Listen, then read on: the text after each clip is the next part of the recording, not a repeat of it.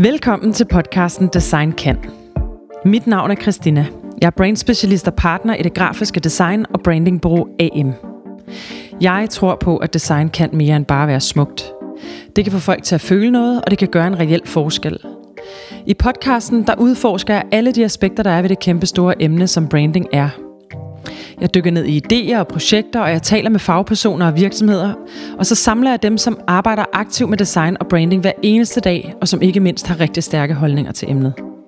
Dette er 10. afsnit i serien, og emnet i dag er design kan lede og forandre. Over for mig sidder Henriette Divert Hendricks, strategisk konsulent i forandringsledelse, og Ask Akker, founder og direktør i forandringsbyrået Works. Hvis du vil starte, Ask, med bare lige en kort intro omkring, øh, hvor du kommer fra, og og hvad du laver i dag? Jeg er jo en, øh, jeg kommer egentlig fra Aarhus, og så er jeg vel sådan en djøffer på afveje. Læste oprindeligt statskundskab og flyttede til København i, ja, for godt 20 år siden, men øh, og skulle til at skrive speciale færdigt og, og blive et eller andet fornuftigt. Men, øh, men så blev jeg hijacket, fordi jeg har sådan en skummel fortid, hvor jeg har været glad for spil og involvering og sådan nogle ting. Så, øh, så øh, jeg blev kontaktet af filmskabet Centropa, som på det tidspunkt havde brug for noget hjælp omkring interaktiv historiefortælling og sådan nogle ting. Og, og blandt andet så Lars von Trier havde nogle, nogle sjove projekter dengang, han skulle have noget hjælp med. Og det lød lidt sjovt at skrive speciale. Så, øh, så jeg kæmpede med at lave begge dele, men, men, øh, og fik lavet speciale, men det gik lige, jeg ved ikke, 10-12 år mere, end der skulle. øh, så, øh, ja, så min Jeff-karriere har stået lidt på pause siden da. Og så øh, blev jeg en del af Centropa-familien, men sådan i periferien. Arbejdede lidt som manuskriptkonsulent og sådan nogle ting, men mest arbejdede med sådan organisationsudvikling. Og hvad kan man bruge storytelling, involvering, læringsspil til i sådan nogle sammenhæng. Og endte så med at blive vel konsulent, og været det i en, ja, godt 20 år. Og, øh, og så for, ja, lige før finanskrisen, så, så øh, købte øh, Egmont Nordisk Film halvdelen af Centropa. Det tror jeg heldigt, ellers havde det ikke overlevet. Men var en lejlighed for mig og kollegaerne til at overveje, hvad skulle vi? Så vi, øh, vi flyttede hjemmefra hvor mange var I der? I virkeligheden havde vi to sådan noget søsterselskaber, mm. en del af Centropa-familien, og var vel en, det ved jeg ikke, knap 20 i alt, eller sådan et eller andet, ikke? Men øh, så der for 10 år siden, der, der blev vi selvstændige, og, øh, og hedder Works i dag, og sådan et forandringsbyrå, og er vel lige knap 30 i dag. Så, så det er sådan min rejse. Øh, en flugt væk fra Djøf-karrieren, øh, og, øh, og det, som jeg synes har været en stor fornøjelse, det er jo at kunne det er det med at komme på besøg i mulige verdener. Men det kender jeg også begge to. Altså det der med at kunne besøge alle mulige underlige firmaer og organisationer, og så kan man se, at det er vidt forskellige ting, og så alligevel så er det meget det samme, de sidder og ruder med. Så, øh, så det er sådan min historie. Fantastisk. Hvad med dig, Henrik? Jamen, øh, jeg kan høre, at øh, vi har jo, øh, der er mange ligheder, øh, som jeg måske godt vidste, at der var. Men jeg blev bare tydeligt opmærksom på det, da du sagde det nu her. Så jeg kommer lidt længere ud fra landet, end du gør. Fra sådan en lille, lille bitte landsby, som hedder Holsted, som ligger helt ude på landet i Jylland. Altså det kortet er hvidt der, hvor jeg kommer fra. Og boede på en nedlagt, øh, nedlagt uh, landbrug, ikke? Og, og man skulle cykle langt i skole, og det lyder som noget fra Monty Python. Men, men det var virkelig uh, langt ude. Men en halv time fra, hvor jeg voksede op, der lå Lego. Øhm, så jeg voksede op på landet i en ikke-akademisk familie. Første generations akademiker. Min mor var lærer, og min far var ingeniør. Og det var vigtigt, fordi det prægede min måde at se verden på. Så jeg har altid været vanvittigt optaget af det der med at lære noget og blive klogere. Men også sådan noget med at få, altså sådan noget, altså fysiske ting. Det der med at få fysiske ting til at funke og sådan noget. Øhm, og så læste jeg humaniora, øh, og min, hele min jyske familie tænkte, hvor er dalen det for noget, og hvor kan jeg bruges det? Og det var jeg også selv usikker på. Og det eneste, jeg vidste, da jeg var færdig med at læse, det var, at øh, jeg skulle i hvert fald ikke være gymnasielærer. Fordi min mor var jo lærer. Så det ville jeg i hvert fald ikke. Selvfølgelig. Nej. Men, øh, men, men, men det betyder selvfølgelig, at en meget tidlig fascination af læring og udvikling, og hvad får egentlig mennesker til at udvikle sig. Øh, og det var det, jeg læste på humaniora, som både var i Danmark og i USA. Og så da jeg kom hjem fra øh, USA, jeg havde ved siden af min humaniora, havde jeg læst HD, fordi der var, jeg vidste godt, at jeg, jeg skulle et eller andet med erhvervslivet. Øhm, Hvordan vidste du det? Jamen det vidste jeg, fordi min far var gjorde jo karriere i vores familie, ikke? og det var jo sejt. Øh, det der med at, at være, altså det, jeg, synes, jeg kan huske det der, han var entreprenør og øh, arkitekt, og jeg kan huske det der med at være ude til visitationer som barn, hvor jeg sad der og kiggede på, hvem der vandt konkurrencen og så videre, alt det, det synes jeg var mega spændende. Ikke? Så det vidste jeg godt, jeg skulle. Men, øh, og, og så var det bare en... Så havde jeg været ude at rejse, og jeg havde egentlig troet, at jeg skulle læse sådan noget, I ved, øh, sådan noget øh, sprog og økonomi og så videre. Men da jeg startede på det, så kunne jeg bare mærke, at det var helt død tid for mig. Så jeg læste det der humaniora, og det var fantastisk. Og jeg vil bare sige, fem år med øh, skønlitteratur i lovtykke stråler, det var lige mig. Og det er stadigvæk lige mig. Ikke? Så man kan sige, altså, hele for, altså den, den grundlæggende altså sådan helt dybe indsigt, og den, altså den der livslange nysgerrighed over for menneskelige relationer, den tror jeg, den kommer fra skønlitteratur. Og det fylder stadigvæk vanvittigt meget. Og jeg, når jeg kan slippe afsted med det, så giver jeg altid romaner til mm. topledere, jeg arbejder sammen med. Ikke? For jeg tror faktisk, at der er rigtig meget vundet ved at forstå det er der med at de lære der, en masse mennesker at kende i ja, og, den, mm. og den, den, altså den, den der, en, en god forfatters evne til at beskrive noget, som vi alle sammen mm. følelsesmæssigt forbinder os med. Det tror jeg på. Nå, jeg kommer hjem i, øh, i midten af 90'erne og, øh, fra USA, og jeg ved ikke, hvad jeg skal arbejdsmæssigt. Jeg startede med at arbejde på lærerseminarium, fordi det vidste jeg jo, hvad jeg var, det der med at undervise. Og det var fantastisk, vil jeg bare sige. Jeg havde to år, hvor jeg underviste i, øh, i dansk og i retorik. Og det, var jo, det betød jo, at jeg var med til at påvirke de lærere, der skulle ud og være klasselærer i skolen. Jeg var rigtig meget ude i klasser og se på, hvordan foregår pædagogik egentlig i 5. B. Ikke? Så den der forståelse for, hvad skal der egentlig til for at at få åbnet hjertet for at gøre noget på en ny måde, eller lære på en ny måde, det tror jeg faktisk har præget mig rigtig meget. Så da jeg så tilfældigvis kom ind i rådgivning, og det gjorde jeg virkelig tilfældigt, fordi jeg mødte en på mit HD-studie, som var ansat i Implement, og Implement var lige startet, de var to år gamle, ikke?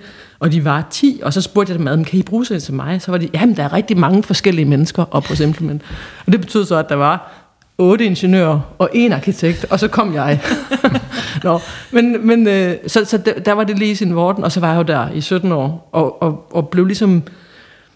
Implement var jo en virksomhed, der var startet øh, i rådgivning, men lidt, altså apropos det, du siger, Ask, altså du ved, på det tidspunkt, så var rådgivning jo rigtig meget en rapport, mm. og, øh, til, en, til et firma, og så måtte man selv knokle med det. Så Implement var ligesom en organisation, der var startet for at få ting til at ske. Altså for 8.000 mand til at gøre noget på en ny måde, eller altså det modsatte af mm. McKinsey dengang. Og, og, øhm, og det, det, det synes jeg var fantastisk, fordi det var lige præcis det, jeg synes, der var fascinerende. Hvad får egentlig mennesker til at gøre noget andet end det, de har at gøre? Hvad kan overbevise dem? Så det gjorde jeg mange år. Og så, øh, kan man sige det, det man taler om nu, som er adfærdsdesign? Eller? Ja, det, ja. det tror jeg i høj grad, man kan. Og man kan sige, og, og faktisk den måde, man taler om adfærdsdesign i dag, synes jeg er altså ekstremt meget mere begavet. Fordi man kan sige, på det tidspunkt, for 20 år siden, der snakkede vi, vi jo om det som nogle meget bevidste processer. Mm. Altså noget, som man ligesom blev nødt til at tænke sig til. Man blev ligesom nødt til at have sin hjerne med, før man gjorde noget. Ja, det er virkelig det modsatte, man siger nu, ikke? I dag ved vi, at det er, det er faktisk meget nemmere at ændre en vane, hvis det ligesom foregår intuitivt, uden ja. at min hjerne er med. Ikke? Så er det bare min krop, det er det. Mm. Nå, lang historie kort. Jeg har arbejdet i Implement i 17 år, og lige nu, øh, så stoppede jeg jo på et tidspunkt, for jeg ikke at arbejde i det samme firma hele mit arbejdsliv. Og nu er jeg selvstændig, og nu fokuserer jeg kun på at arbejde med øh, direktioner og bestyrelser. Og de, de få mennesker, der påvirker de mange, kan man sige, i store virksomheder. Og det gør jeg, fordi mit liv er piskort. Så hvis jeg skal nå at have stor effekt, så skal jeg arbejde med dem, der påvirker mange. Mm. øhm, så på den måde er vi fuldstændig det samme felt, men jeg sidder ofte og, og snakker med altså, så vi laver det jo på samme måde, tror jeg, men jeg, jeg sidder ofte og fokuserer mest på, hvordan bliver direktionen og bestyrelsen egentlig enige om, hvad de vil, og hvordan får de det udtrykt så enkelt som muligt, og hvordan, hvordan bliver fnid og fnader mellem dem ikke noget, der snubler for at få virksomheden til at arbejde i samme retning. Mm. Så det er meget det, der er... Og, og det kan man sige, man kan undre sig over, at det er noget, der fylder, men det gør det. Jeg tror på, da vi snakkede for lidt tid siden, og, og du fortæller om det, du lavede, som jeg synes er super fascinerende, Altså, det, jeg kom til at tænke på det der med, at vi jo alle sammen har et billede af, hvordan vi gerne vil være. Mm. Som forældre, som ledere, som kollegaer og alt muligt andet. Som er syv gode vaner og work-life balance og støttende og coaching og anerkendende og alt muligt andet. Ikke? Og så har vi virkeligheden, som er lidt noget andet, og hvor vi nok kigger lidt for meget ned i mobiltelefonen over øh, aftenbordet og alt muligt andet. Ikke? Og jeg kan nok godt lide som jeg forstår også noget, det du meget har fokus på, det er med at hjælpe de der ledergrupper med i virkeligheden at gøre det, de gerne vil. Ja. Mm. Fordi tit så, et langt stykke vejen, så ved de godt, hvad de gerne vil, de ved, hvad de har brug for, men i praksis, så er det bare ikke det, der sker. Det er det. Så det der i virkeligheden med at være den der positive påvirkning, øh, det synes jeg er super fascinerende. Altså. Ja, og det er det, altså bare lige for at være meget præcis på, så man, jeg er vel gået fra i 20 år at have været og have snakket meget om at lave en forandring, og ligesom hele tiden sidde og diskutere til enkeltmandscoaching og seminarer og workshops om, hvordan de gerne vil gøre tingene, til at nu arbejder jeg i virkeligheden. Så jeg sidder med i direktionsmøderne, og jeg sidder og observerer, og jeg snakker med direktøren om, før møderne starter, hvad vil du gerne opnå i dag? Og jeg snakker selvfølgelig, før opgaven starter, om, hvad er det på lang sigt for nogle vaner, de gerne vil ændre. Men det betyder, som du siger, at jeg sidder med i hvert møde, og det vil sige, at at øh, det er lidt ligesom at være med øh, familien på sommerferie, og så ligesom spare med farmor om, hvad det er for en familie, de gerne vil have. Ikke? Så, så der er ligesom så ikke... nogle burde der være flere af. Ja. og det, der, og det, der selvfølgelig er sindssygt rørende, det er, at jeg kan se nu, og det har jeg været gan, i gang ganske kort, ikke? men jeg kan se nu, at det rent faktisk er være der i hverdagen. Og, og sidde og kunne sige i mødet, hov, nu mm. var den der. Mm. Kunne I se, at nu gjorde I lige præcis, som I gerne vil. Ikke? Så jeg tager folk i at gøre det godt. Altså det, de gerne vil. Mm. Og det er rigtig, rigtig tilfredsstillende, i stedet for at være den der virkelig trælse, apropos et billede omkring sundhed, ikke? Øh, I ved, fitnesstræner eller øh, diætist, som mm. efter tre måneder igen siger, ah, vi skal nok have skruet lidt på sådan og sådan. Ikke? Så det er hver dag i stedet for. Og det, det er bare sjovt. Jeg, jeg kommer tilbage til, øh, hvordan det er at gå på arbejde med dig, for jeg synes, det lyder meget, meget interessant. Men jeg vil lige sådan, inden vi, øh, inden vi starter øh, øh, vores snak her, så vil jeg bare sige, at øh, podcasten handler om design i sin grundform. Og design kan meget, og det er jo i virkeligheden tesen for hele podcasten, at øh, design kan en hel masse ting. Øhm, men i dag, der, der skal vi jo mere tale om, hvad det vil sige at skabe forandringer i virksomhed. Og i virkeligheden, øh, hvordan I skaber forandringer på ledelsesgangen. Øhm, så måske designing er grundstenen i det, I laver. Jeg vil sige, øh, Ask, jeg kommer tilbage til en masse af det, du laver, hvor jeg egentlig ser flere paralleller. Men, men der er dog en tendens lige nu, hvor flere og flere konsulenthus køber designkræfter op. Der bliver talt mere om design. Vi, vi nævnte lige adfærdsdesign. Det er ligesom om, at designtænkning er kommet på direktionsgangen. Og det er derfor, jeg synes, den her, øh, den her snak, vi har, og, og jer som gæster, er super relevant for hele øh, emnet omkring design. Så er i hvert fald det på plads. Øhm, Ask, du skriver for eksempel, at du designer engagerende processer. Hvad vil det sige? Fordi øh, jeg sagde det også lidt inden vi gik i gang. En af de ting, jeg synes er rigtig spændende ved dig og din historie, det er, at, og du nævnte det også en lille smule, men det er helt tilbage fra, da du var en ung pur, der rendte rundt og lavede rollespil. Og var super interesseret i hele det her spilunivers. Og nu sidder du faktisk og arbejder med spil, og sidder og gamificerer øh, forandringsprocesser for, for virksomheder og for, for ledelser af virksomheder. Hvordan, altså den rejse, den nævner du ikke så meget om, men det synes jeg jo er, er både en super sympatisk ting, at ting starter så meget et passioneret sted fra, at du var yngre, og nu sidder du faktisk og har gjort det til en, øh, du har egentlig, kan man sige, rystet markedet en lille smule for, øh, for forandringsledelse. Ikke? Der er ikke mange, der laver det samme. Kan du prøve at komme lidt ind på det? Med at designe engagerede processer, engagerende processer? Der er mange, øh, der er mange steder at starte, ikke? men man kan sige sådan helt grundlæggende for mig, så handler det jo om at, at gøre, gøre deltagerne, publikum, medarbejderne til hovedpersoner, i stedet for statister. Mm. Og, øh, og det der jo nogle gange sker i organisationer, det er at man kan have en, øh, en, en topledelse, som har fået lavet en super fin strategi, og man kan også lave en god præsentation, og man kan godt få medarbejderen begejstret, og du ved, man sidder og klapper ned i salen, og man har en god cheerleaders. Men, øh, men bagefter så går folk tilbage og gør, hvad vi nu plejer at gøre. Mm. Og det er ligesom chefens strategi, og ikke medarbejdernes. Så det der med at sørge for, at det ikke bare er, er en, øh, en god strategi, men det er også min strategi. Og for mig er det sådan helt afgørende, det der med et fælles ejerskab til det ting, der er. Og det er jo, øh, og det, det er jo det, der giver mening i, i tilværelsen og i livet, kan man sige. Og der er jo flere dele i det. Altså den ene ting er, at hvis man har et fælles ejerskab til strategien, så dels så, så brænder man mere for den, og den passion osv. osv. Men det andet er også, at er typisk sådan, er så også blevet en lille smule mere robust i mødet med hverdagen. Mm. Fordi der er altså nogle gange langt fra direktionsgangen, eller konsulent PowerPoint-dækket, til hvad fanden er det, der skal fungere mm. på en skole, eller et ministerium, eller i skat, eller en virksomhed. Så, øh, så, så det er jo meget det, vi arbejder med. Altså det der med at sørge for at involvere folk i de der processer. Og der er det virkelig præcis det samme, når man så sidder, jeg har ikke lavet så meget øh, sådan noget rent rundt ud i skoven, eller i orker-rollespil. Jeg har mere lavet sådan noget bordrollespil, mm. hvor det er jo sådan en fælles styret samtale. Og der er der sådan en hårfin balance mellem at designe en samtale, hvor der stadig er noget styring og noget retning på den, det skal orkestreres lidt, men hvor det så at sige deltagerne, der kommer i spil, og det er dem, der oplever, der er hovedpersoner. Og der er det i virkeligheden meget nærmest en til en med, da jeg som glad teenager sad og designede sådan nogle scenarier, og var spilleder i sådan nogle sammenhæng, og så til når man sidder og har en eller anden toplederkonference, eller et lederseminar, hvor det er stadig en måde at styre en samtale på, men hvor man inviterer folk ind. Så, øh, Men kan man sige, at når man spiller noget, når man selv er med i en eller anden forandring på den måde, altså man imiterer forandringen øh, fysisk via et spil, en spilleplade, det er jo egentlig sådan, I bygger det op. Øhm, er vi så igen også tilbage til lidt adfærdsdesign? Er det noget med, at når man så har mærket det på sig selv, at man har prøvet det, eller mm. at, at effekten så er større? Fordi der er jo rigtig mange, der taler om at, at, at, at skabe forandringsledelse, men mm. hvor det måske er baseret på samtaler og rapporter mm. og, og regler og... Altså, hvis vi, altså, jeg synes, adfærdsdesign er super fascinerende, og, og vi bruger det rigtig meget. Og for mig at se, det der jo er... Altså, den helt store udfordring i, i, i mange organisationer i dag, det er jo, at folk er super dygtige. Og man har en selvforståelse og en kollektiv forståelse af, at vi er professionelle, vi er faglige, vi er dygtige. Og det er man jo. Altså, ellers er man ikke i forretning i dag.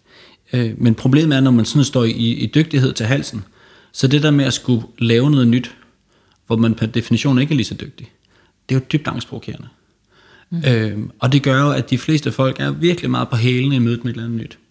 Fordi de er jo vant til, at det meste af vores arbejdsliv, så kører vi på autopilot. Altså det er sådan, hvis vi snakker sådan noget, øh, hvad hedder det, Daniel Kahneman og så videre. Altså det er jo den der fast thinking, hvor vi jo bare gør det. Du ved, man sidder og leder og kører møder og tager hurtige beslutninger, og, og det er super fedt, og man er i flow, og man er god leder. Og så pludselig bliver man bedt om at lave noget, man ikke er vant til at gøre. Og man bliver blottet, tingene, svarene kommer ikke bare på tungen af sig selv, man skal faktisk sidde og tænke over det, og hvordan afledes og reflektere. Det er pissementalt hårdt for en. Det er svært at gøre. Og det vi meget prøver i vores processer, og der er vi faktisk meget anderledes end mange andre folk, der arbejder med gamification, det er jo, at vi prøver så at sige at fjerne presset. At vi prøver at fjerne det der store forventningspres og angst på folk, og så siger vi, at vi leger bare. Det er ikke rigtige budgetter, det er matadorpenge. Det er ikke rigtige kollegaer, stakeholder, kunder, det er spilbrikker. Og så hjælper vi folk med at tage nogle, nogle måske små, men vigtige skridt i en ny retning, eller skridt i en ny retning. Men, men hvor det der pres væk. Mm. Og typisk så finder de så ud af, at okay, så svært er det heller ikke. Og de finder også pludselig ud af, at de andre kollegaer, de er lige så nervøse og pressede på, på tynd is, som de selv er. Altså de får simpelthen et mod, de ikke havde før, af en eller anden art. Jamen lige præcis. Ja. Og der må sige, der er mange folk, der arbejder med gamification, de tænker meget på det der med, at man, vi kan lave konkurrence og motivere folk, og der er high scores og præmier osv.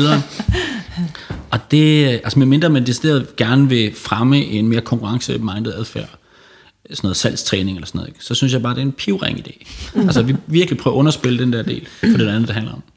Måske bare, en, en, bare altså det der, det er sindssygt enig i, Asger. Og du ved, det er en af, så et af de dogmer, der er i forhold til at forandre adfærd, som har været der lige siden John Cutter startede med at skrive en forandring.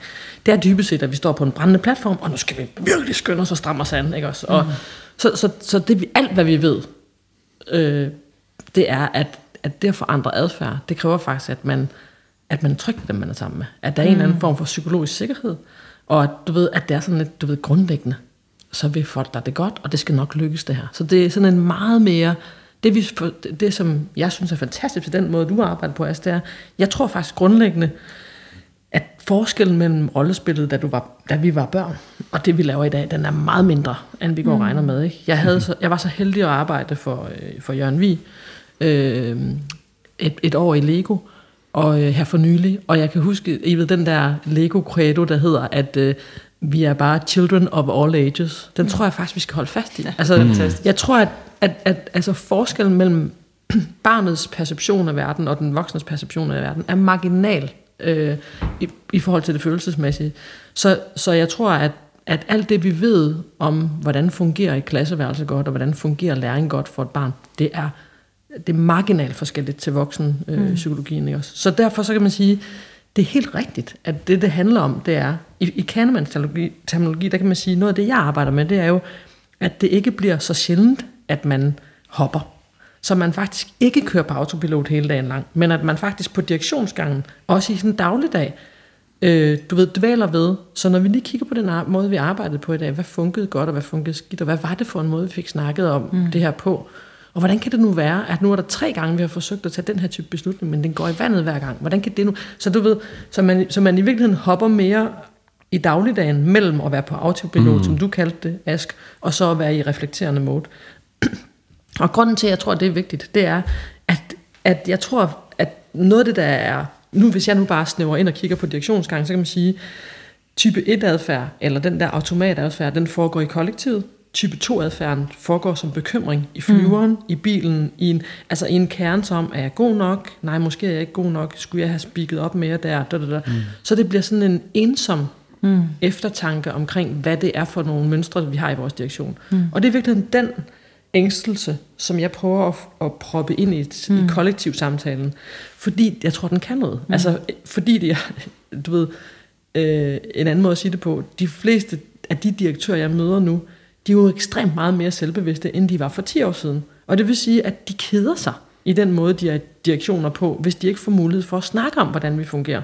Altså det vil, at det vil svare til, at et velbegavet venskab ligesom aldrig snakket om, hvad er det, der er på spil mellem os? Ikke? Altså, hvor, mm. hvorfor er det, at vi snakker anderledes nu, når vi er i 40'erne, end vi gjorde, da vi var 25? Og, og den der, altså den, den selvindsigtsfulde, øhm, øh, du ved, øh, mønsterbevidste øh, direktør, vokser jo mere og mere frem i dag. Mm. Og jo mere de gør det, jo mere bliver design relevant, tror jeg. Fordi det, det handler om, det er jo at designe samtaler, nærvær, møder mellem enkelte personer, som bliver eksemplariske, og som ligesom udvider sig i vores bevidsthed, fordi det var det øjeblik, hvor vi fik tryghed. Ikke også? Øh, jeg kan ikke lade være med at nævne Lego, fordi det er det, det, det, den virksomhed i den her mm. del af verden, som har det vildeste rygte i verden. Altså, de er lige blevet nummer to igen på Reputation Institute, efter Rolex. ikke også? Sidste år var det nummer et. Men, men hvorfor er en virksomhed fra Vestjylland det brand i verden, som har størst mm. troværdighed? Jamen en af grundene, det er, at, at de værdier og de samtaler, der findes blandt ejerne og direktørerne og medarbejderne og kunderne og forbrugerne og forældrene, altså hele hvad kan man sige, økosystemet rundt omkring Lego, de, de bærer de samme ambitioner, nemlig ambitionen om, at vores børn skal lære noget, mens de leger. Mm. Øhm, og, og, og det, altså, det der med at, at have klarhed i, hvad er egentlig grundintentionen i vores univers? Mm. Altså, hvad er det for en, hvad er det for en måde, vi, hvad, hvad skal blive, være blivende, efter vi ikke er her mere? Mm. Øhm, det, det findes ikke så rent rundt omkring mange andre virksomheder end Lego. Øh, og jeg synes, det er, en, det er en vild ting, at det lykkedes. Øh, og det er lykkedes takket være nogle enkelte personer, som har turet at være i verden på en anden måde, end man ellers er, når man er i corporate, ikke også? Mm. Øhm, og, og, det, og jeg vil bare sige, når jeg går rundt i Lego House, i Bilund, ikke? Mm. Så, så jeg kan se Kjeld Kirk for mit indre blik, ikke? og samtidig med, at børnene er der. Og selvom han er i 70'erne, så er han fuldstændig lige så lejende mm. som barnet på 5 eller 7 eller 10. Og det lejende element, det skal vi simpelthen ikke underkende, fordi jeg tror, at, eller vi ved jo, at det at eksperimentere, og det at, okay. øh, og, og, og, og vende ting på hovedet, mm. og snakke om ting, og, og så ligesom, som du siger, Aske, vi gør det bare for sjov her. Mm. Altså, det kan noget, ikke? Jo, og det, og det skægge er jo, at det er jo... Øh, altså jo mere nu, nu øh, især sådan nogle af mine kollegaer er meget sådan noget spil nørdet, ikke? men altså hvis man ser tilbage, så er det på ingen måde noget nyt. Altså, øh, da man åbnede, åbnede øh, uh, Tutankhamons grav, var der et brætspil derinde, ikke?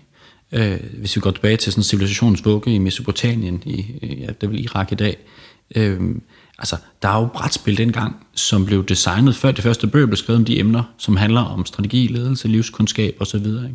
Og på tværs af alle kulturer, altså fra det kinesiske hof til et af mine, øh, mit yndlingsspil, var en, øh, øh en fyr, der hedder Lee Hen, øh, jeg tror, der, der lavede det for 1100 år siden, som var et, et, øh, et læringsspil, som skulle hjælpe øh, kommende byråkrater i kejserens Kina med at hvad hedder det, bestå en eksamen til at blive embedsmænd ved hoffet. Ikke? Mm. Altså et lærespil, et læringsspil, som er mere end 1000 år gammelt til en djøf-eksamen.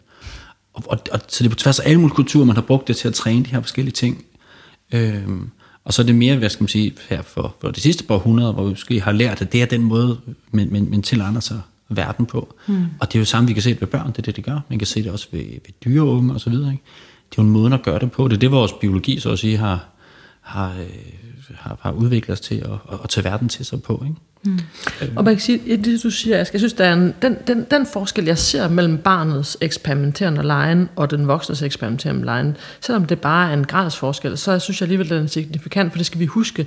Forskellen er, som jeg ser det, at den voksne har behov for et narrativ om hvorfor. Ved du, hvad jeg mener? Så der er sådan en, mm. og I ved, man kan sige, der er det der credo, der hedder showing, not telling, ikke også? Men faktisk så har den voksne rationelle hjerne, og i virkeligheden også den emotionelle mm. del af os, har faktisk behov for at ordliggøre, hvorfor det var, vi sad og gjorde mm. det her. Ikke også? Også så bare, for ikke at spille tiden. Det er det. Så det, når man tager bare for, så helt reelt, så er der sådan en meaning-making del, så man kan sige, hvis man skulle skære det helt firkantet ud, så kan man sige, som jeg ser det, så er der tre ting, vi skal være sindssygt gode til at hjælpe hinanden med, for at få lyst til at udvikle os i verden. Ikke?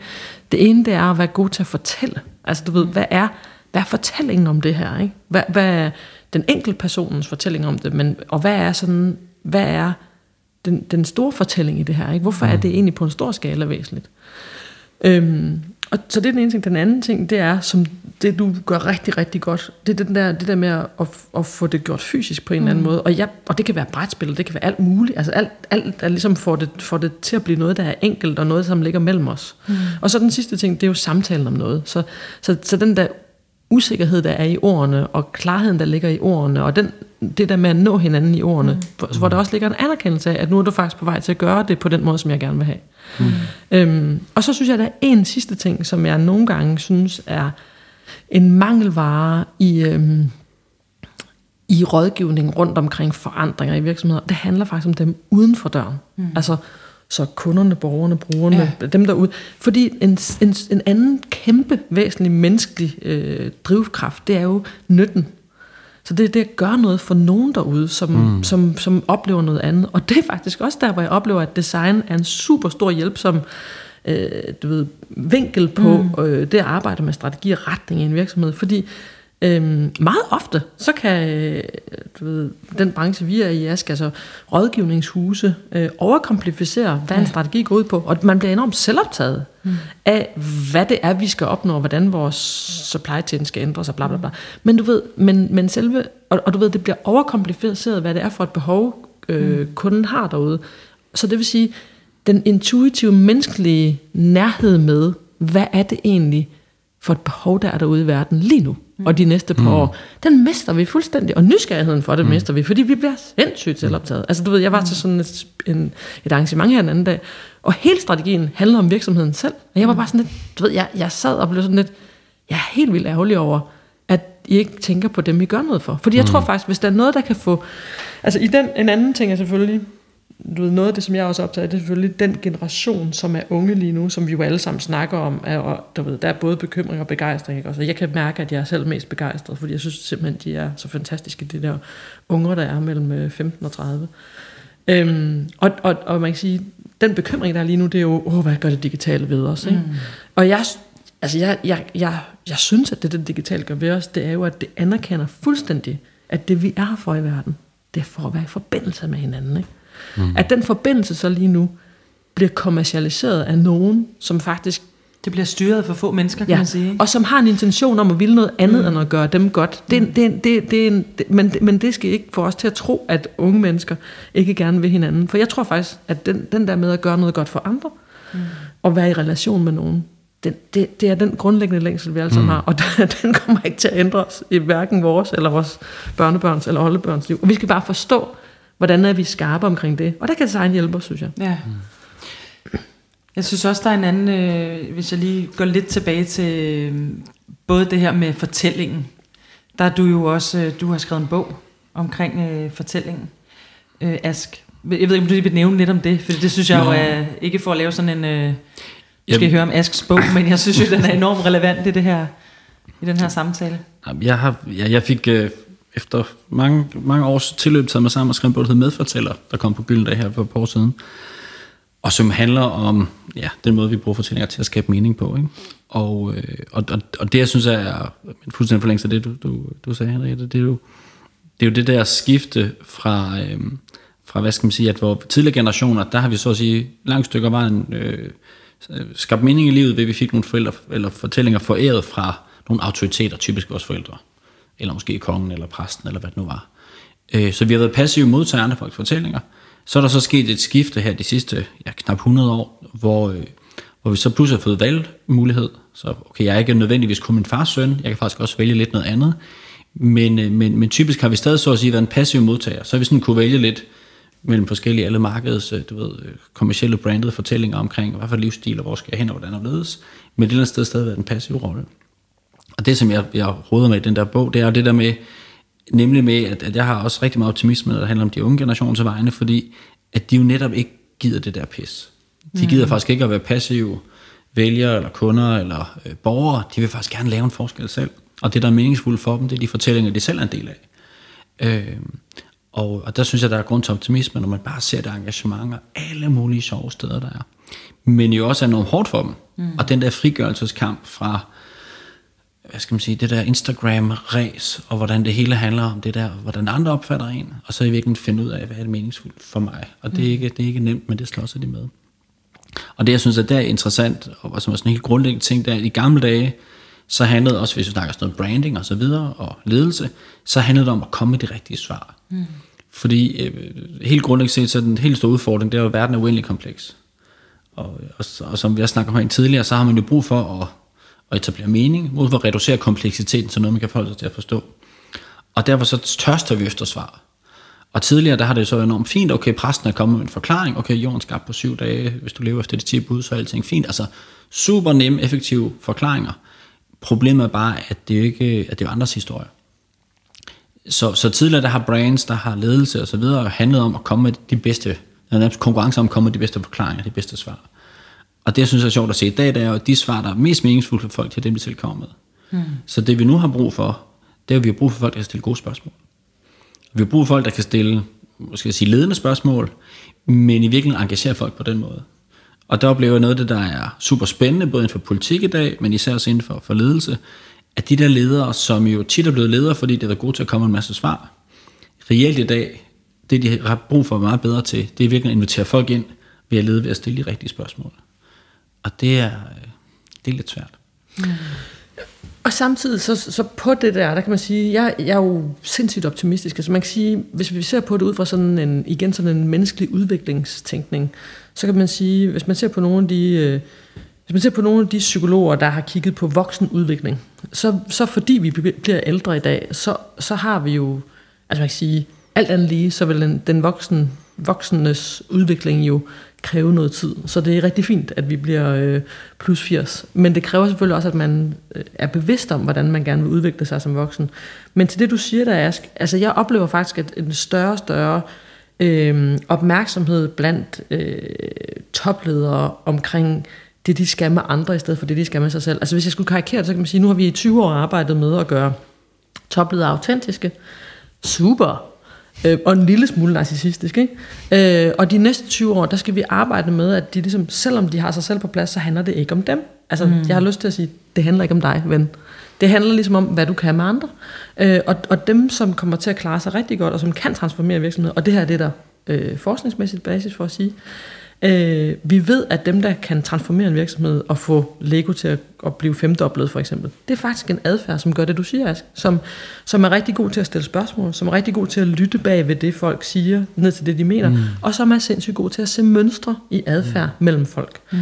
Øh, og igen, hvis jeg bare lige skulle lave en lykke tilbage til det med design, noget af det, som øh, er tydeligt som en kompetence i, det, i fremtidens øh, topledelse, det er det rammesættende. Mm. Så det er i virkeligheden rammesættende, altså øh, rammen rundt om den gode samtale, rammen rundt om den ærlige udveksling omkring, hvad der mm. skete i det der budgetmøde, øh, øh, rammen om, hvordan kan vi få interaktionen mellem vores direktion og vores bestyrelse til at fungere mm. bedre, øh, åbenheden omkring den ængstelse, vi har, når mm. vi skal sætte mål for næste år, hvordan kan vi hjælpe hinanden igennem det, mm. osv. Så, så, øh, så man kan sige, skiftet i topledelsens måde at reagere på, er meget, meget tydeligt. Mm. Øhm, og jeg, jeg er igen optimistisk, fordi jeg synes, det sker.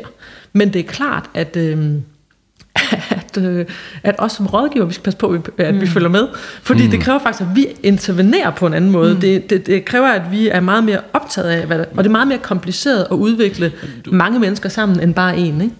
Fuldstændig ret, og det man jo også nogle gange som rådgiver, altså der, der er det også nogle gange bekvemt at komme med de rigtige svar. Ja. Mm. Der har vi også brug for at finde lidt ydmyghed frem. Ikke? Enig. Øh. En opmærksomhed, som jeg synes også er, øh, er væsentlig, det er, du ved, jeg, jeg er enig med dig i, at, at ting bliver mere og mere komplekse, øh, men der er også nogle grundlæggende, hvad kan man sige, selvindtægter rundt, rundt om, omkring det, som er menneske, som i de her år bliver meget, meget tydelige. Så man kan sige, du ved, som du sagde før, vi er gået fra et, et, øh, et, altså i hele verden, nu taler jeg ikke bare om vores del af verden, men i hele verden er vi gået fra at have en relativt over, overvældende religiøs ramme, ikke? Og så nu kan man sige, i no, det er meget forskelligt, hvad der sker i verden, men nogle steder så sekulariseres det mere og mere. Og, og det vil sige, perceptionen om, du, nu sagde du de 10 bud, men måske bare sådan to grundbegreber. Vi er der mm. sammen med nogle andre mennesker, som vi gerne vil høre til. Mm. Altså der er nogen, som vi skal være, som er vores landsby, lige meget hvor globalt den bliver. Og så skal vi ligesom udrette noget i verden. De to elementer er at være menneske. Ved vi faktisk nu forskningsmæssigt, at det er dem, som får vores mentale velbefindende til at være, være højt. Ikke? Så vi ved, at mm. hvis vi skal kigge på mental, øh, mental velvære, så er der to elementer, som skal være til stede i menneskelivet. Det ene det er, vi skal, være, vi skal høre sammen med nogen, og vi skal ligesom vide, hvem det er, vi gerne vil høre sammen med, og vi skal vide, hvad vi gerne vil mm. udrette i verden. Mm. Og de to enkelheder, kan man sige, det er mm. måske den, de eneste sådan klare grundbegreber, mm. som alt andet lige, vi skal kære os om mellem generationerne. Fordi lige nu, der er det faktisk ikke det, der er intentionen hos Facebook, vel? Nej. Eller hvad, men der er det faktisk en, en, meget, en, en, en meget større narcissisme, mm. der inviteres ja. til. Ikke? Og det vi ved, det er, at narcissisme, det er rigtig, rigtig skidt. Mm. Både i virksomheder og i enkel, hos enkelte personer. Ikke? Fordi det, det, mm. det, det giver dårlige liv. Ikke? En, en øh, inspiration af det, altså noget af det, som, som optager mig rigtig meget, det er sådan omkring tillid. Mm. Og der er også øh, en af mine sådan store faglige inspirationer, sådan en tysk systemteoretiker, Niklas Luhmann, som er mega nørdet, men, men har sådan en, ja, jeg synes stadigvæk sådan den bedste analyse af, hvad fanden der sker i verden i dag. Og handler meget omkring øh, kompleksitet, og hvordan man håndterer det i samfundet og i organisationer. Og han er også meget optaget af tillid. Og jeg kan virkelig se i organisationen, at det er det, der er magien. Altså du kan have den dyreste strategi, det mest smarte, cloud-baserede IT-hejs, men har du intern mistillid, så giver det helvede til. Og det er ikke sjovt at gå på arbejde. Og så kan du have en halvgammel strategi, du kan have noget halvgammel IT, men har du intern tillid, så er det stort på arbejde, og resultaterne de er tit også okay. Så tillid, det er magi, det er det, der mm. virker i organisationer. Ikke? Og, og i verden, kan man sige. Ja, altså i familie og i venskab og, og, og, i hvad nu ja. og, og, og, der, og der lige præcis det skifte, som du nævner der, altså det jeg oplever, det er, at, at, at vores, vores blik for, hvad tillid er, har brug for at skifte og ved at skifte. Og der er sådan en uh, super inspirerende amerikaner, Jeremy Kalski, som har meget snakket omkring forskellen på design øh, Øh, for trust, og så over for design from trust. Og meget ofte, når vi designer løsninger, der samler vi ledere, så har vi jo lyst til at fremstå tillidsvækkende. Du skal have tillid til mig, du skal have tillid til øh, mit website, vi skal have noget øh, mørkeblå farve, noget marmor, fordi jeg skal, vi skal have tillidsvækkende brand. Øh, og det er meget sådan den måde, man går til tingene på. Og hvis man nu ser i dag også øh, med de øh, ballader, der er rundt omkring med sociale medier, så, der forsøger Facebook at fremstå tillidsvækkende og alt muligt andet. Ikke? Men det er den forkerte tilgang. Fordi det vi i virkeligheden har brug for, det er, at vi har brug for at udvise tillid til at starte med. Mm. Design from trust. Og, øh, og der har Jeremy Kalski nogle super gode eksempler på, altså nogle af de firmaer i dag, som er størst succes og virkelig ændret deres marked rigtig meget, det er jo firmaer, som har det i deres DNA. Altså sådan et, sådan et firma som Airbnb. Okay, der er nogle mennesker, som jeg slet ikke kender, der kommer og skal sove i min seng og lege min børns legetøj, og det er ligesom bare okay. Altså det fordrer noget tillid på begge vegne. Eller sådan noget som Uber, ikke? Okay, jeg skal midt om natten et eller andet sted, øh, kommer der en bil, så skal jeg ligesom bare gå ind i den. Ja. og så håber jeg, jeg kommer hjem. Og, altså, det, vi, vi får en lille smule tillid af hinanden, og det sjove er, at når mennesker bliver mødt med reelt tillid, så får vi det bedste frem i hinanden. Mm. Og der oplever jeg virkelig, at rigtig mange organisationer, øh, om det er en politisk, om det er virksomhed, ikke? altså det der med at, at, at finde ud af det der med tillid, det starter med en selv. Altså du skal starte med at vise tillid til en medarbejder, du skal vise tillid til dine kunder. Øh, du skal ikke have dem til at stole på dig, eller have tillid til dig. Det, for det kommer måske bagefter. Det synes jeg er et helt afgørende skift. Mm. Øh, og som er svært. Mm. Og det kræver nogle lidt nogle andre værktøjer med at gøre det på. Mm. Og faktisk med det du siger der, jeg synes det er, du, du rammer noget enormt centralt, fordi man kan sige, at, og, og det tror jeg, det kommer til at fylde mere og mere i fremtiden. Altså jo mere øh, jo mere, øh, hvad kan man sige, den menneskelige, øh, hvad skal man sige, den følelsesmæssige hjemløshed bliver noget, der spreder sig. Og, og det gør den jo mest i vores del af verden, og især i USA, og det er også derfor, man er så meget på røveren der. Det er der mange mm. andre grunde til også, men en af grundene er på det menneskelige, at man disconnecter fra hinanden.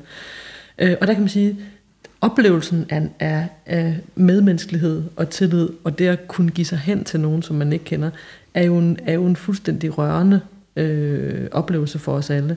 Øhm, og, og, det, og for mig at se, så kan man sige, igen, øh, i de, altså noget af det, som den begavede topdirektør kan, det er jo, at han, han eller hun godt ved, hvad har jeg med mig fra mine tidlige relationer. Altså hvis jeg kigger på mm. de år, der var fra før jeg fyldte 15, er jeg så egentlig, har jeg grundlæggende et mistillidsmix i mig, mm. eller har jeg grundlæggende et tillidsmix i mig? Og hvad, hvordan kan jeg knokle med det? Mm. Fordi øh, det er jo altså helt ned i, i, i, hvad kan man sige, i, i den enkelte persons øh, tilblivelse, der ved vi jo altså der ved vi jo godt, at det er de første år i livet, der ligesom har afgjort, om vi skal knokle med at have tillid, mm. eller om det er noget, der bare er til mm. stede, fordi vi er blevet fodret med det fra vores, øh, fra vores forældre. Øhm, og der igen kan man sige, kravet i dag, det er ikke, at du skal have, have haft en lykkelig barndom, quote on quote, men du skal have forholdt dig til det, du er kommet med, mm. på en meget mm. dyb måde, sådan at du kan, frem, altså, sådan at du kan fortælle om, hvor er det, jeg kommer fra, og hvad er det, jeg har knoklet med, og hvor, hvad er det for et dilemma, jeg, jeg, mm. jeg, jeg, jeg ligger i. Jeg kan ikke lade være med at... Og, øhm, når jeg sidder og snakker om det, så kan jeg ikke lade være med at tænke på Michelle Obama, mm. som er en af de enkelte personer, som, som i, i hvert fald i løbet af de sidste sådan år har personificeret meget en ærlighed omkring, hvor man kommer fra, og også de dilemmaer, der er i ens øh, liv omkring identitet. Mm. Og prøv at se på den fuldstændig sindssyge hype, der er nu, hvor hun rejser rundt og bliver du ved, leder ind i et domæne, som er sådan quasi-politisk på en eller anden måde. Ikke? Og det synes jeg er vanvittigt fascinerende i dag, når du siger det med, at religionen fylder mindre. Altså, der er ingen tvivl om, at det, at det, der sker lige nu, det er jo, at de korporate stemmer, som i hvert fald i de sidste, altså siden finanskrisen, grotesk nok har fået alt for meget øh, fylde, synes jeg, mm. i verden. Der, der sker der noget lige nu, som, som heldigvis gør, at der bliver sådan en, en meget større øh, skillen foran fra bukkende proces. Ikke? Hvor mm. der er nogen, der ligesom bliver meget større øh, personer, som ligesom kan rumme og være i det, og der er nogen, der sådan falder ud, hvor man tænker, mm. det var godt, det skete. Ikke? Uden at nævne navne.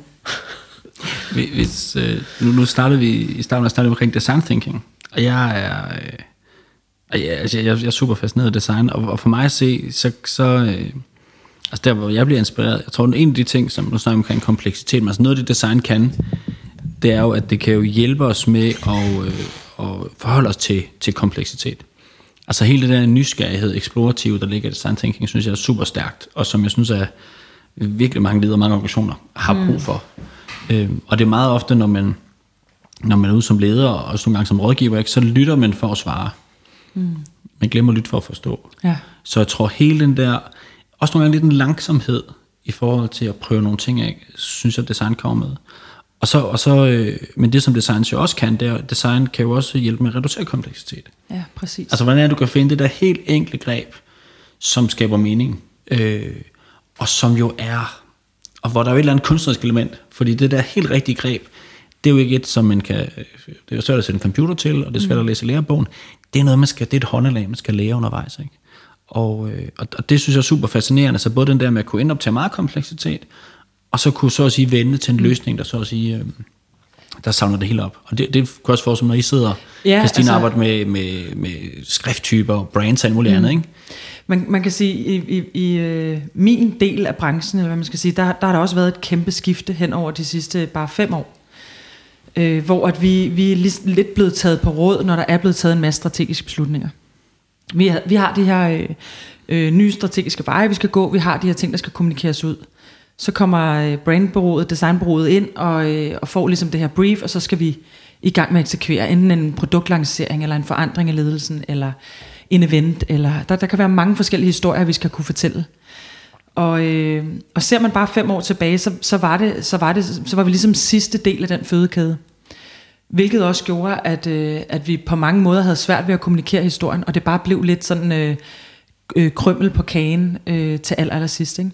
Hvor man kan sige, at nu synes jeg, at øh, vi bliver meget mere inviteret ind øh, på direktionsgang. Vi bliver meget mere inviteret ind i bestyrelseslokalet, også i, hvis vi har lavet en brandingproces, der skal øh, formidles til, til en masse medarbejdere, for eksempel, eller et større skifte.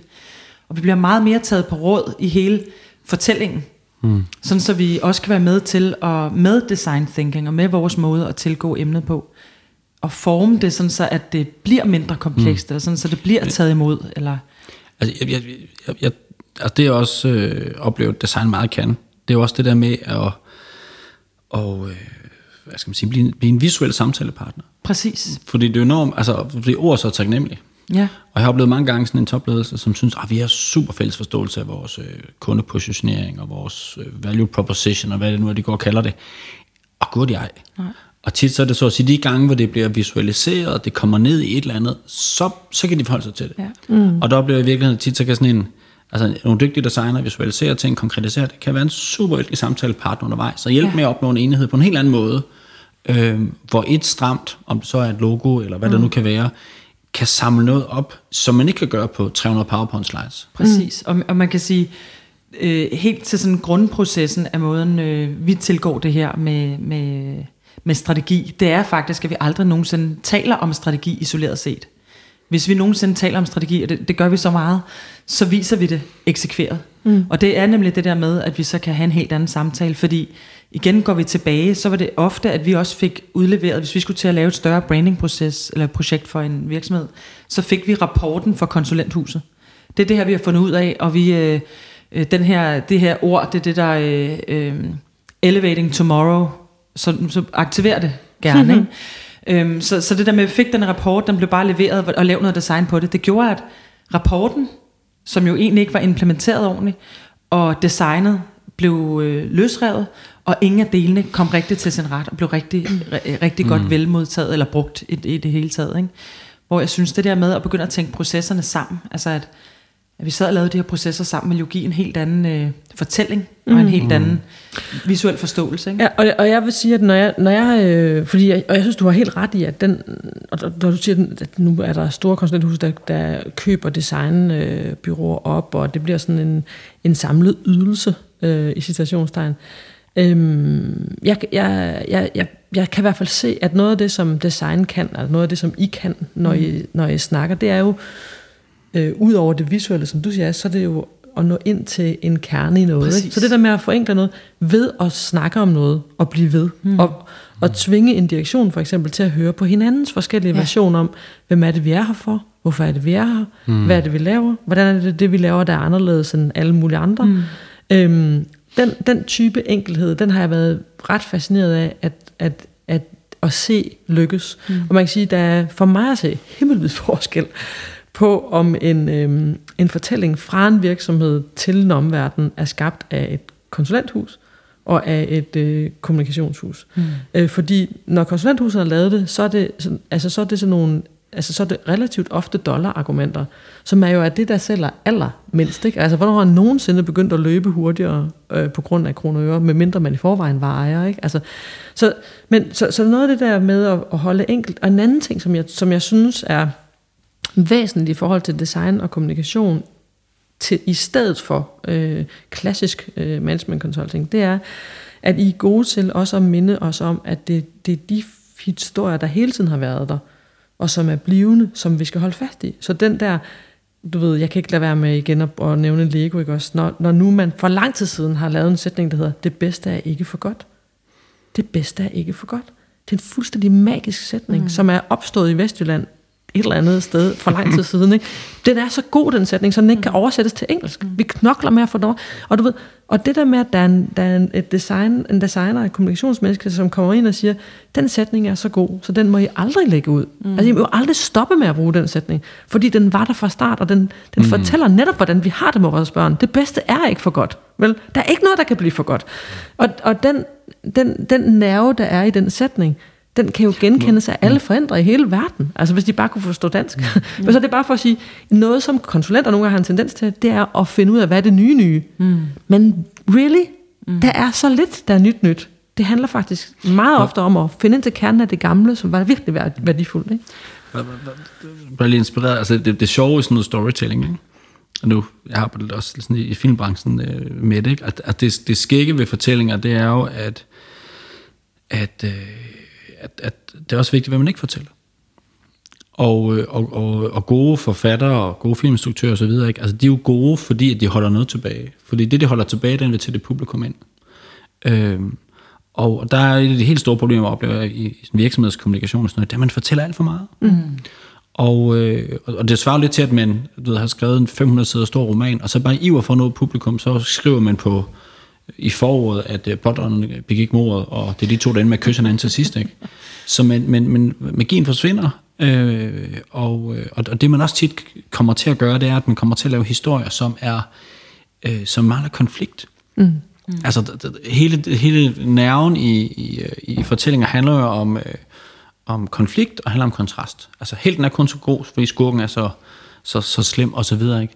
Og, og der er lidt tilbage til det, du snakker om tidligere, Henriette, det der med, at, at øh, i, i dag så sker der det i erhvervslivet, at der er nogle organisationer, nogle ledere, som gerne vil noget. Som faktisk tør lave nogle fravalg, som tør have noget kant, som tør mene noget, også nogle gange sige nej til nogle penge, for det er noget andet, der er mere vigtigt. Ikke? Og jeg oplever, det er jo de historier, som har noget konflikt og noget kant, som virkelig tør pege på en drage, altså om det så er klimaforandring, hvad det nu er, det er jo det, der motiverer folk. Det er jo det, man har lyst til at følge.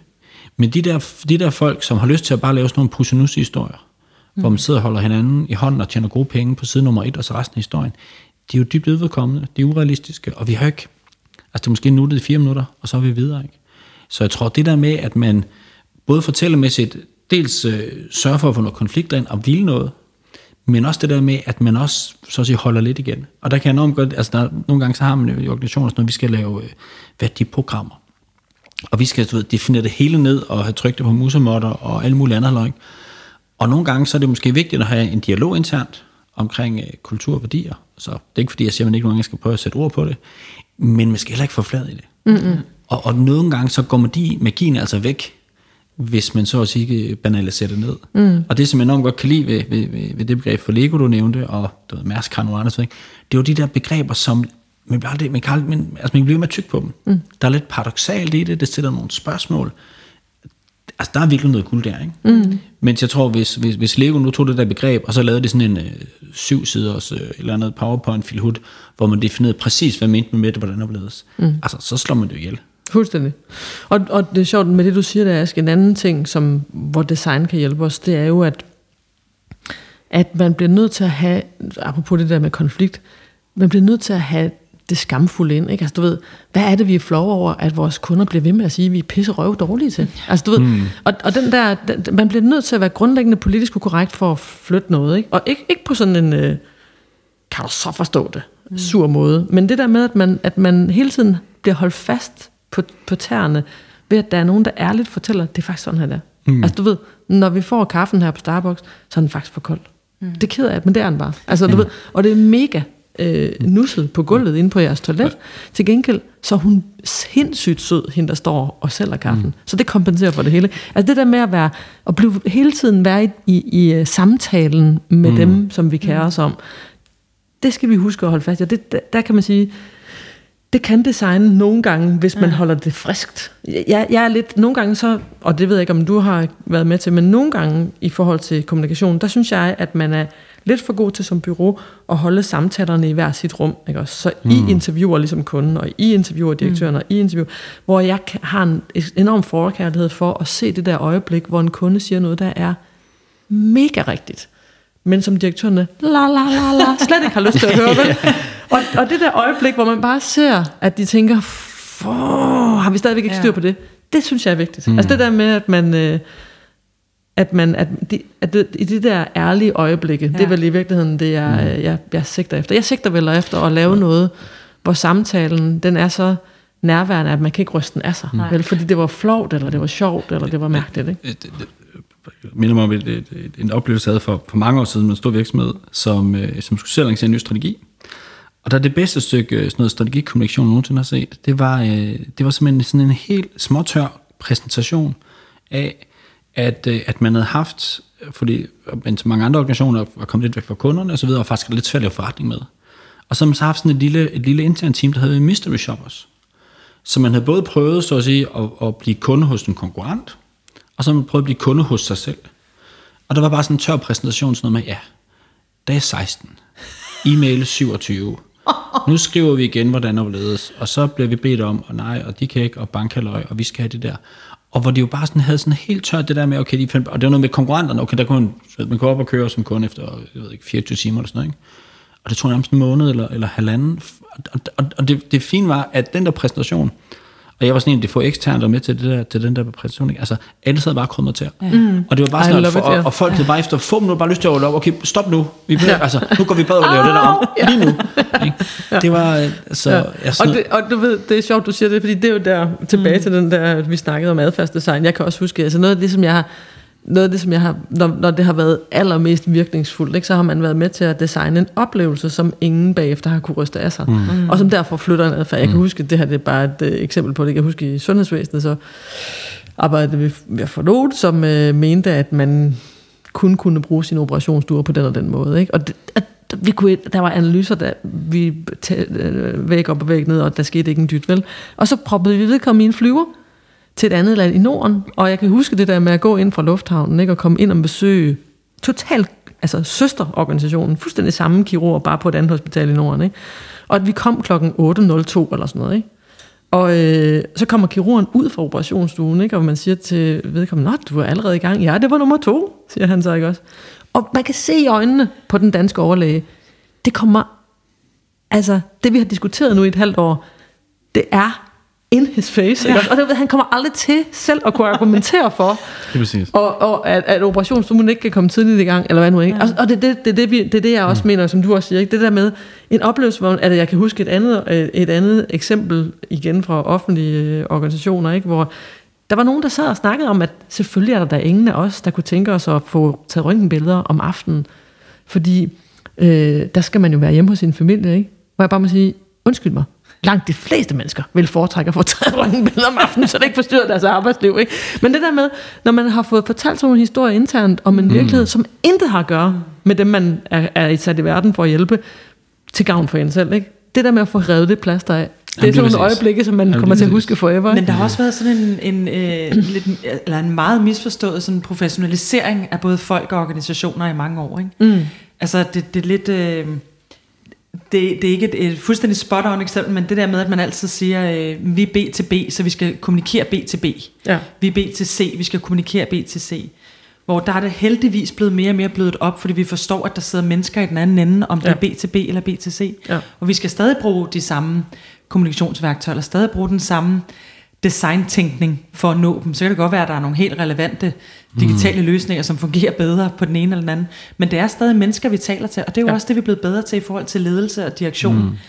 Der kan man sige, at hele den her autentiske bølge jo på en eller anden måde har haft noget godt med sig. Enig. At man, Enig. at man ikke som direktør eller som, som øh, øh, direktion og bestyrelse skal være sådan helt øh, afskåret fra virkeligheden. Mm. Der er kommet en adgang nu, som, mm. som er anderledes, ikke? Og, en, og en ærlighed og en tillid forhåbentlig. Mm. Altså hvis, hvis vi øh, sådan i forlængelse af det, og sådan, måske sådan afslutningsmæssigt også skal være lidt hårde ved design, ikke? så i hvert fald to ting, Så som... synes jeg, vi skal stoppe nu. Altså. Og så, der, så vi stopper- skal ikke være hårde. Nej, Ej, okay. Kom med. Nej, men, men fordi jeg... Altså, det, det, det, det, jeg synes nogle gange bliver farligt, ikke? det er jo lidt tilbage til altså, det, design uh, for trust eller from trust. Ikke? Altså, der er jo rigtig meget design, og også meget så at sige, consulting, som, hvor man kan blive virkelig manipulerende. Mm. Og især i forhold til den måde, nettet fungerer på i dag, ikke? hvor man virkelig kan sidde og måle og veje og hive folk rundt. Og det er også det, man kan se i, i manipulationer, valgkampe og alt muligt andet. Ikke? Og der tror jeg, at dels er der sådan noget etisk i det, ikke? men der skal man også virkelig øh, altså være meget opmærksom på, hvem er det, man tjener, og er det virkelig nogle bjørnetjenester, man gør organisationerne. Øh, og der, der, der, skal, der skal designer være, ja, være, være opmærksomme. Men noget andet, det også handler om, det er jo også, at, øh, at, øh, at, at, at man også nogle gange som designer overdriver, hvad skal man sige, hvad man kan gøre med et enkelt greb. Fordi mit indtryk det er også, at, at eller erfaring er også, at verden er mega kompleks. Og de der stakkels, øh, især hvis man er sådan en intern organisation af medarbejdere, der er så åndssvagt mange ting, der sker. Der er så vildt mange ting at holde styr på, hvordan opleves. Og der kan man nok nogle gange udefra som designer, også nogle gange som rådgiver, ligesom tror, at hvis vi bare lige fikser mm den her, eller hvis vi nu har det nye logo og gør sådan der, så skifter det helt ligesom. Eller hvis vi laver, jeg er også lidt Helt skæb, på magisk vis. Mm, lige, lige, lige præcis, ikke? og jeg er også nogle gange også sådan relativt skeptisk omkring sådan noget nudging, ikke? fordi mm. og, øh, ikke, jeg, der er mange gode ting i det, men nogle gange så tror man også ligesom bare, at hvis vi så lige ændrer noget skiltning, noget wayfinding, og så har vi lige lidt her, og så er det en checkbox, og så flytter virkeligheden sig. Og jeg vil bare sidde og sige, hvis virkeligheden var så nem, så havde vi færre tykke mennesker i verden, og alt muligt andet, fordi det er bare en møgsvært det hele, og det er det, når vi er i privatliv, og når vi er forældre, men også når vi er på arbejde. Ikke? Så jeg tror sådan lidt en ydmyghed i forhold til, ja. hvor meget man reelt kan, tror jeg er, er, er også vigtig. Ikke? Mm. Øhm, Og, og, Og, og, og, må, jeg, må jeg ikke bare lige på den der, altså, det er jeg fuldstændig enig med dig, og, øh, at, at, at, at selvfølgelig tager ting tid, og, og på den der skal vi bare huske, at igen, det der får os til at ændre os, det er jo noget, der påvirker os følelsesmæssigt. Mm. Altså du ved, jeg kan huske i sin tid, da jeg skulle holde op med at ryge, øh, og jeg har aldrig været permanent ryger, men bare det at ryge en gang imellem, det er jo nærmest politisk ukorrekt nu, ikke? Så jeg kan huske det der med, at jeg ligesom selv synes, at det var super kikset, og der var flere kolleger, der sagde til mig, når man er egentlig mor, så kan man virkelig ikke, og det Men det, der overbeviste mig, det var min datter på seks på en eller anden ferie, ikke også? hvor jeg så tog den der ferie smøg, ikke? og så siger hun til mig, mor, hvis nu du dør, mens vi er hernede, hvordan skal jeg så komme hjem med mine brødre? Og du ved, og det, det følelsesmæssige øjeblik, hvor jeg jo kan jamen selvfølgelig, det er jo fuldstændig horribelt, at jeg gør det her. Mm. Og, og, og bare for at sige, vi skal bare huske, at det, der påvirker vores adfærd, mm. det er følelser. Og det mm. er vores, vores forpligtelse til at være der for andre, og vores forpligtelse til at gøre noget ordentligt i verden. Mm. Og, de og det to, gælder også på ledelsesgangen. Fuldstændig. Mm. Og, og, hvis vi, og, og hvis vi hele tiden kan holde fast i, det er de to grundintentioner, vi bare skal huske at, at, at, at nøse og være, og være ærlige omkring, så, så, så kan vi sagtens få ting til at ske hurtigt. Mm. Og det kan man sige, det er det gode i dag, at kanalerne er blevet mere åbne. Så mm. det vil sige, at vi bliver bare... Øh, altså, der er ingen, der ligesom kan være kan være afsides, så at sige. Ikke? Verden er mere forbundet, mm. og det betyder, at afstanden mellem direktionsgangen og virkeligheden, den, den I, er... Men, men, men også den der, altså, altså i dag, så har folk reelt andre muligheder. Mm. Altså det er bare for kort tid siden, du havde ikke andre muligheder. I dag, altså, du kan flytte til et andet land, du kan også nemmere skifte job, men du kan også sidde og sige, nej, fuck det der firma, jeg skifter bank, mm. jeg skifter hvad det nu kan være. Ikke? Og det er derfor umenneskelig adfærd blandt virksomheder, det, det tolererer vi ikke mere, vel? Altså du ved, det er sådan lidt, lige for lidt siden, så kunne man, hvis man var den størke, største i et marked, ingen nævnt, ingen glemt, så kunne man tillade sig at opføre sig sindssygt byråkratisk og langsomt, ikke også? Mm. Men i dag, der, vi gider ikke at undskylde for, at vi er mennesker, vel? Vi gider ikke undskylde for, at vi gerne vil have ting let. Vi gider ikke undskylde for, at det skal være sjovt på en eller anden måde. Og vi ved, gider at det kan lade sig gøre at gøre det nemt. Totally. Mm. Ikke? Også, så, så, mm. Og det der, jeg synes, der er noget med, det synes jeg er fantastisk i dag, at det er blevet, vi godt ved, at vi ikke skal undskylde, at vi er mennesker, og vi vil gerne have mm. tingene på en menneskelig måde. Mm. Øh, og det bliver vi som virksomheder nødt til at gøre os umage med, at, øh, at, at virksomheder er her for mennesker, øh, både som medarbejdere og som kunder. Øh, og, og det kan vi bare ikke afskrive mm. som man kunne måske for 10-20 år siden. Vi er ved at være ved vejs ende. Jeg kunne fortsætte i timer. øhm, jeg plejer lidt at spørge ind til, hvad er drømmen? Altså de næste 5-10 år inden for jeres, øh, jeres område. Hvad, hvad, hvad er drømmen for måden at arbejde med det her på? Hvad er drømmen for, at der sker? Er der et paradigmeskifte, der er lige undervejs? Eller øhm, er der et eller andet, I arbejder hen imod? Ask, vil du starte?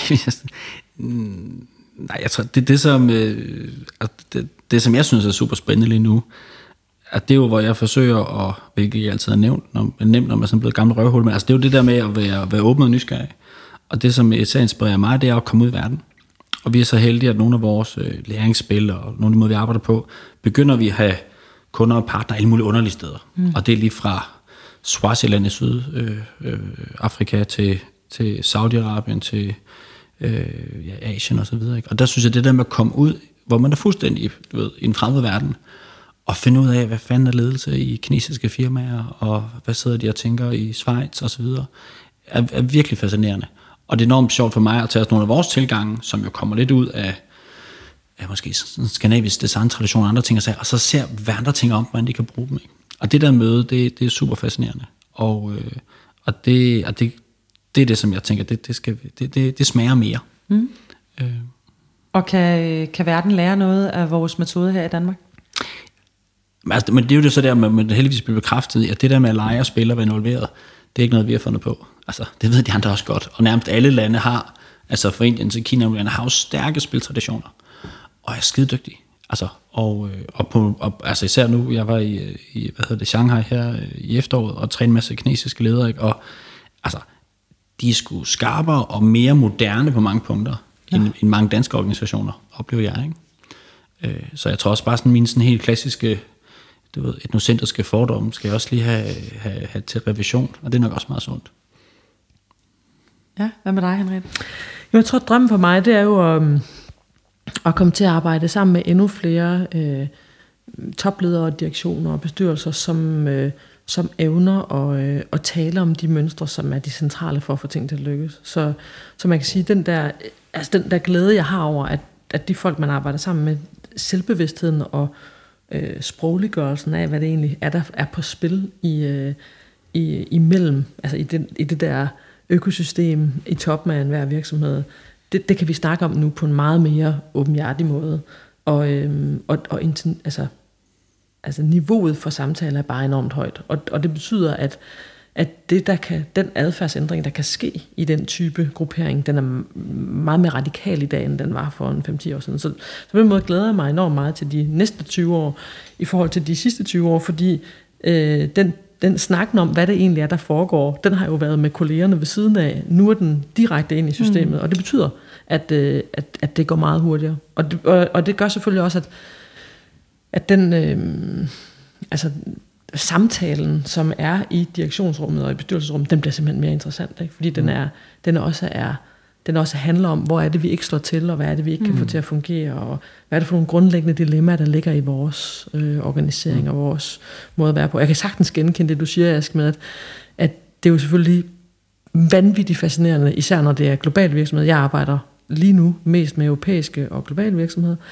og, øhm, og det er selvfølgelig meget, meget forskelligt, hvordan samtaletraditionen er i forskellige mm. altså i forskellige øh, enkeltpersoner, alt afhængig af, hvor man har været i verden. Mm. Men jeg oplever faktisk, at i hele verden, der er, der er det, det, det, det er sådan i udvikling, ikke? og jeg kan ikke forudsige, mm. hvordan, hvis jeg ved på forhånd, at der er en øh, CMO fra Singapore, så kan jeg ikke forudsige, om vedkommende kommer til at være en, der er der, der ligesom godt kan snakke om det her, eller som simpelthen ikke vil mm. det. Mm. Så, så alle de der hvad kan man sige, fordomme, vi havde om hinanden lige for lidt siden, mm. omkring hvordan er det asiatiske direktions- eller bestyrelsesmedlem, mm. det er bare mm. et helt andet sted i dag. Ikke? Hvad så inspireret det? Altså, en ting, som jeg synes bliver super spændende, det er jo, at nu har vi haft øh, 10 års øh, vækst og fremdrift, og, øh, og, og det bliver nok ikke ved. Så, øh, så øh, lige om lidt, så, så, så, så, så bliver der ballade, og, og mange organisationer skal til at slås lidt i modvind. Og det bliver lidt interessant at se, hvordan de samtaler bliver. Mm. Og der må vi jo se tilbage, hvis vi sådan så på finanskrisen for 10 år siden, hvordan det blev håndteret. Så mange organisationer, synes jeg ikke var specielt gode til at, at, at tage de samtaler. Og endte jo med at have nogle relativt defensive, reaktive måder at gøre det på. Altså, mm. øh, dels så så det ikke tingene ramme dem, før det var ret for sent, og mange reagerede også meget, så at sige, konservativt. Og der håber jeg da lidt, at, øh, at de organisationer, vi har i dag, både er lidt mere på forkant, men også håndterer tingene på lidt mere ja, mm. proaktiv og måske også mere kreativ måde. Ikke? Øh, så, så jeg glæder mig til at se, hvordan de der samtaler bliver. Fordi altså, det er der, hvor det virkelig bliver alvor. Ikke? Mm. Og et andet sted vil jeg lige sige på faldrebet, det er et, et lille ønske, jeg i hvert fald sidder og får, når vi har den her snak, det er, at nogle af de her, øh, de her, den her måde at arbejde på, og den her måde at, at se ledelsen og direktionen på, givet nogle af de værktøjer blev meget mere præsent inden for politik. Ja, ja. og det er for, øh, lidt. det er øh, altså, tænk, hvis det kunne, tænk, hvis vi kunne begynde at, mm. øh, at arbejde med det på det niveau. Ikke? Og, mm. ja. Og men der har, men der er løsningerne jo stadigvæk. Vi bygger noget med motorvej, og vi øh, ja. ændrer noget øh, sygehusstruktur. Ikke? Jo, men tænk, hvis man kunne også skrue lidt ned for populismen, og vi rent faktisk kunne begynde at have mm. nogle, nogle ordentlige samtaler, nogle ærlige samtaler. Ikke? Mm. Tak fordi vi kom. Så det var en kæmpe fornøjelse. Tak, tak.